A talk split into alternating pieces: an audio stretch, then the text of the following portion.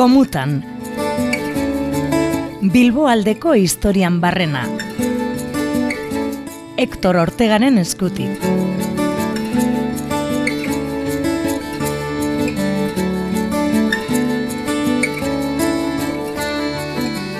Mila beratzeon dama sortziko martxoak hogeta zazpizituen. Bilboko udalbatza bildu egin zen.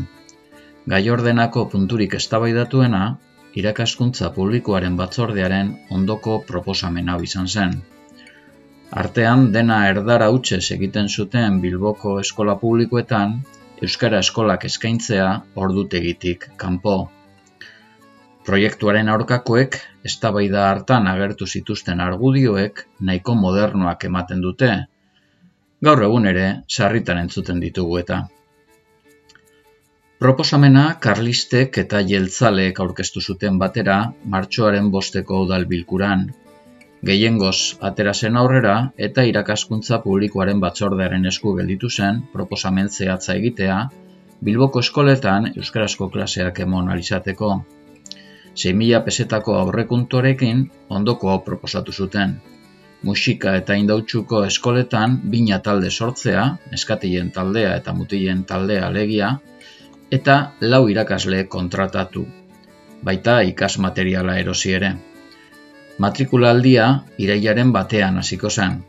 Euskara eskolaiek borondatezkoak ziren, alegia, udal eskoletako ikasleen artean nahi zuenak izena eman behar zuen lekuak agortu arte. Talde bakoitzak berrogei lagunentzako lekua zeukan.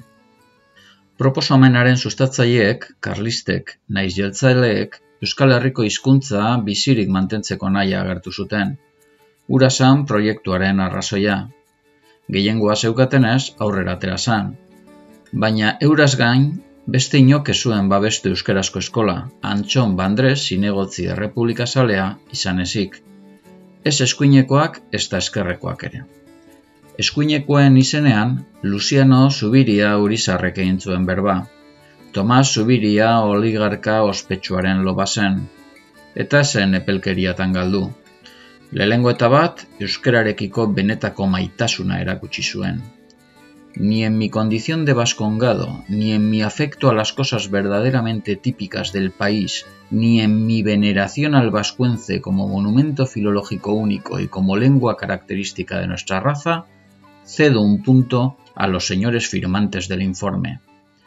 Euskararen aldekoen artean, beraz, lengua omentzen, subiria tarrura. Horrelakoetan oiden bezala, lehengo maitasuna eta ostean egurra, euskerarik eskoletan esartzeko proposatu zuen. Horren ordez, ondoko eskari hau egin nahi zion diputazioari. Que en la Universidad Vasca que se intenta crear se establezca el estudio del vascuence con el carácter de investigación filológica, a fin de depurar el idioma y hacerlo apto para los estudios etnográficos históricos del País Vasco. Monumentu zarra zaindu nahi zuen, baina zuen garaiberrietan nahi, Zubiria penatuta agertu zen karlistek eta jeltzaleek euskera politizatzen zutelako. Bere ustez, euskara eskola borondatezkoak jarriz, se tendía a dividir a los bilbainos en dos castas de los que hablan y no hablan el vascuence. Baina gero, gaineratu zuen umeaiek ikasiko zuten euskera lasterra astuko zutela eta ez ziela esertarako ere balioko. Es tan inútil que hasta los jebos de los pueblos, en cuanto tienen ocasión, envían a sus hijos a aprender castellano. Praktikoagoa izango litzateke, subiriaren ustez, ingelesa, frantsesa edo alemana irakastea. Subiriaren jarduna beste perla batekin itxiko dugu. Segurtatu zuenez, euskera inoiz zen izan bilbotarren hizkuntza. Eskerreko zinegotzien jarrera Nemesio Diaz Lasaga Republika Saleak laburtu zuen sentimenduak alboratu eta arlo ekonomikoa baino ez zuen jorratu. Bere ustez, karga berri bat esarri nahi zioten udalari, urtean 6.000 pesetakoa, eta oso zaila izango zen, umeek alegin horri probetxu ateatzea. Diazen ustetan, asko ere mankorragoa izango litzateke, ingelesesko eskolak ematea umei, eta zuzenean proposatu zuen Euskararen ordez ingelesa irakastea. Euskara bihotz bihotz esmaitatu arren eskolatik kanpo nahi zuten eskuineko nahi eskerreko haiek galtzai atera ziren. Bilboko udaleko zinegotzi gehienek baietze eman zioten proiektuari, eta esetza, Zubiria eta Diazen alternatiba biei. Jose Antonio Pérez Bona Karlistak nabarmendu zuenez, Euskara hizkuntza bizia zen eta merezi zuen haren alde jardutea.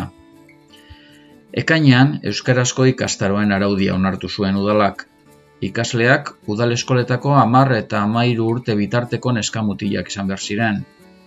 Musika eskolan, atxuri, kortes, oieriaz, martzana, institutu, iturribide, soloko etxe, tiboli, ibaizabal eta musikako ikasleak batuko ziren. Indautxokuan, ostera, Berastegi, Cervantes, Kontxa, Kasilla, Olabeaga, Zorrotza, Larraskitu, kastresana eta indautxukoak bertokoak. Ikasturtea urriaren batetik ekainaren hogeta marrera zabalduko zan. Eskolak gutxienez ordu bete eguneko. Azterketak ustaian egin behar zituzten, harik eta idatzia zein ahoskoa. Urria iritsi zen azkenik eta eskolak hasi ziren. Musikako ikastetxean talde bi, indautxuko eskolan beste bi, lau irakasle kontratatu zituzten. Maria Jesus Ibaseta, Eugenia Arrue, Gregorio Maidagan eta Jose Altuna. Proba moduan hasi ziren eskolaiek, baina laster sendotu ziren, baita hasi ere. Irakasle eta talde gehiago eratu ziren. Euskarazko ikastaroek etenik gabe iraun zuten mila bederatzion dago eta amabosteko urriaren boster arte. Egun hartan, gomutaneko beste atal batean jorratu genuen ardoaren gerraren ondorioz, Espainiako gobernuak Bilboko udala bertan bere utzi eta haren ordez izendatu zuen udal gestorak, Euskarazko eskolak eten egin zituen. Baina horrengo udal hauteskundetatik aterazan udal korporazioak berriz jarri zituen martxan mila bederatzion dago eta maseiko martxoaren amazortzian. Ez luzerako ostera, frankistek behin betiko galarazi zituzten Bilbo mendean hartu zutenean. Orduan, Zubiriaren gustoko euskaltzaletasuna nagusitu zen.